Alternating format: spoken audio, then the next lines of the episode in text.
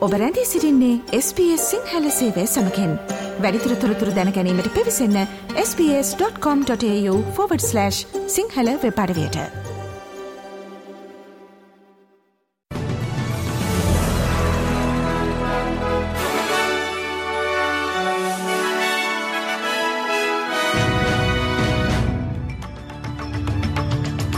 අද ජනවාරි මස දාසය වනිදා අඟහරුවාදා SBS සිංහල සේවේ ප්‍රෘතිගෙනන මම දිනේශා දිල්රුක්ෂී විජේසූරිය.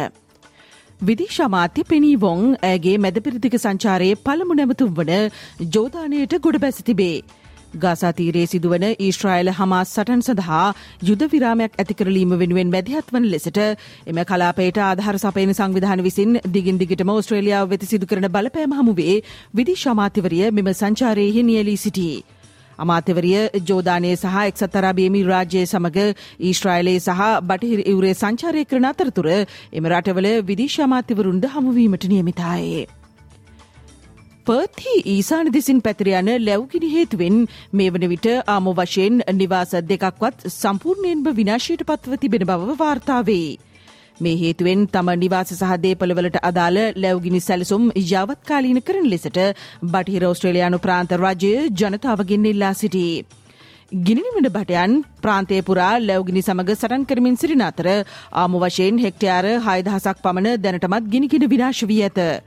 ජින්ජින් සහ චිටරිං යන ප්‍රදේශවල ඇති වූ ලැව්ගිනි මේ වන විට පාලනය කර ඇති බව බටහිර ඔස්ට්‍රේලයාහි හදිසි සේවා පිළිබඳ අමාත්‍ය ස්ටීවන් ඩෝසන් පවසායි. එලිමහනේ යන විට නිසි පූර්වාරක්ෂක ක්‍රියාමාර්ග ගන්නා ලෙසත් එමජන්සි WA වෙබ් අඩවිය හරහා ලබා දී ඇති ලැව්ගිනි උපදෙස් සහ අනතුරු ඇඟවීම් අනුගමනය කරන ලෙසටත් අමාත්‍ය ඩෝසන් ඉල්ලා සිටියේ. Uh, as I said at the beginning of this fire season, it will be a long one. It'll be hot, dry, and dangerous, and we're certainly seeing that so far. I do urge Western Australians to take proper precautions when going outdoors and also to follow the bushfire advice and the alerts through the Emergency WA website. I again urge everyone to create a bushfire plan. Download the My Bushfire Plan app onto your phone. It takes less than 15 minutes, but it could save your life and the lives of your loved ones. Sydney Brisbane Darwin සහ Canberra යන අගනුවර කිහිපයක සහ තදස්සන්න ප්‍රදේශවල මේ සතියේ වැසි ඇතිවන බවට කාලගුණ කාර්යාංශය අනාවැකි පල කරයි. ඔස්ට්‍රේලියාවේ උතුරු කලාපයට වඩත් දරුණු කාලගුණයක් ඇතිවන අතර වැසි සහ තද සුළං හේතුවෙන් ප්‍රාන්ත සහ ටෙරටර කිහිපයක තවදුරටත් ගංවතුරු තත්ත්වයක් අපේක්ෂා කරේ. අද දින නොදන් ටෙරිටිරියේ සහ උතුරු කවීන්ස්ලන්තේ කොටස්වල අනතුරුදායක තද සුළං සහ ගංවතුර ඇතිවීමට නියමිත බවද වාර්තාවේ. මේට හේතුව බටහිර ඔස්ට්‍රේලියාවේ උතුරු කිම්බර්ලිහි සිට කේපියෝක් අර්ධද්වීපය දක්වා විහිදෙන මෝසම් කාලගුණික තත්වේ බව කාලගුණිකාංශය පින්වාදේ. ඔස්ට්‍රේලයා දින සැමරුමට අදාළ වෙළඳ බහණ්ඩ අලවිය සිදු නොකිරීමට ඇතැම් මහපරිමාණ වෙළඳ සමාගම් ගෙන ඇති තීරණය සාමාන්‍ය ජනජීවිතයට බලපෑමක් ඇතිවන මට්ටමට වර්ධනයවීමේ අවධානමක් පවතින බව කවීන්ස්ලන්ත පොලිසිය පවසයි. බ්‍රිස්පේන්හි මෙට්‍රෝ වූල්වර්ත්හි ඔස්ට්‍රේලයා දින බහන්ඩ අලවිය වර්ජනයට සහය දක්වමින් ඇඳ ඇති කුරුටු චිත්‍ර පිළිබඳව විවර්ෂණ ආරම්භකොට ඇති බව පොලිසිය පවසයි. මේ අතර ගිනිදල්වමින් එයට සහය දැක්වීමට යාමක් හේතුවෙන් එම ගින්න අසල මහල් නිවාස සංකීර්ණයකටද පැතිරයාමේ අවධානමක් ඇතිවීම හේතුවෙන් එහි නිවැසියන් ඉවත් කිරීමටද සිදුව තිබේ. බ්‍රිස්බේන් වූල්වර්ස් මෙට්‍රෝහි කිසිදු සේවකයෙකුට හෝ පාරිභෝගිකයෙකුට තුවාල සිදුවී නොමැති බව කවීන්ස්ලන්ත පොලිසිය පවසායේ. ඔස්ට්‍රේලයා දිනේ වර්ජනය කිරීම සංකේතවත් කිරීම සඳහා ඇල්ඩ වූල්වර්ත් සහ කේමාට් වැනි ප්‍රමුඛ පෙළේ වෙළඳ සමාගම් කීපයක් විසින් මෙවර ඔස්ට්‍රේලයා දිනයට අදාළ වෙළඳ බහන්ඩ අලවිය සිදු නොකිරීමට තීරණය කොට තිබේ. විපක්ෂනායක පීට ඩටන් විසින් වූල්වත් සමාගම වර්ජනය කරන ලෙසට ජනතාවගෙන් ඉල්ලා තිබෙන අතර එය එම සමාගම්වල සේවකීන් හට තර්ජනයක් විය හැකි බැවින් ඉන් වැලකී සිටින් ලෙසට අගමැති ඇන්තනි ඇල්බනීසි ජනතාවගෙන් ඉල්ලා සිටේ.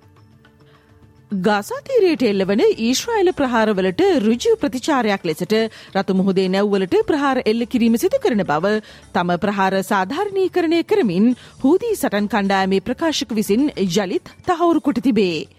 හූදී සටන්කාමීන් විසින් ඇමරිකා එක්සත් ජනපදේ තොග ප්‍රවාහන නෞකාවකට ප්‍රහාරෙල්ල කිරීමේ සිදුවීමකින් අනතුරුව මෙම සාධාරණීකරණය සිදු කරමින් යළිත් ඔවුන් මෙම ප්‍රකාශය සිදුකොට තිබේ. මෙම ප්‍රහාරයෙන් කිසිදු පුද්ගල මරණයක් හෝ සැලකිය යුතු හානියක් වාර්තාාවී නොමැත. ටෙනිස් ශ්‍රේණගත කිරීම්වල අංක දහය ස්ථානයේ සිටින ඔස්ට්‍රේලයානු ටෙනිස් ක්‍රීඩක ඇලෙක්ස් ඩීමිනෝ ඔස්ට්‍රේලයානු විවෘත ටෙනිස් තරගාවලියේ දෙවනි වටයට සුදුසුකම් ලබා ගනී. ඇලෙක්ස් ඩීමිනෝ සහ කැනඩියානු ක්‍රීඩක මිලෝස් රවනික් අතර පැවති තරගයේදී දෙදනාම එක්වටේ බැගින් ජයග්‍රහණය කොට සිටි අතර තුන්වන වටේදී කැනේඩියානු ක්‍රීඩක මිලෝස් ආබාධයකට ලක්වී හේතුවෙන් තරගාවලියෙන් ඉවත්වීමට සිදුවිය. ඒ හේතුවෙන් ඔස්ට්‍රේලයානු ක්‍රීඩක ඇලෙක්ස් ඩීමිනෝ හට තරගාවලියේ මීළඟ අදිරයට යාමට ඉඩ සැලසින. තම ක්‍රීඩා විලාශය පිළිබඳව සතුටු වන අතර එය දිගටම පවත්වා ගැනීම සැලසුම බව ඇලෙක්ස් ඩීමිනෝ පවසා සිටේ. Keep going. I mean, uh, it's uh, pretty simple. Nothing changes. Uh, I've, I've ticked a milestone, but uh, I still want to get better. I still want to improve. I still want to get the absolute most out of myself. And yeah, hopefully I'm not done yet. විසි හතර හැවරදි Alex de Minaur තම දෙවන වටේදී ඉතාලියේ Matteo අනාල්ජී සමගින් තරඟ වැදීමට නියමිතයි.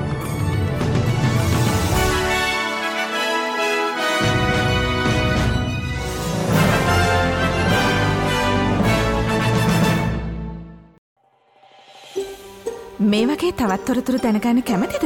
එහමනම් Apple podcast Google podcast Spotify ඔබගේ podcast ලබාගන්න ඕනෑම මාධ්‍යයකින් අපට සවන්දය හැකේ.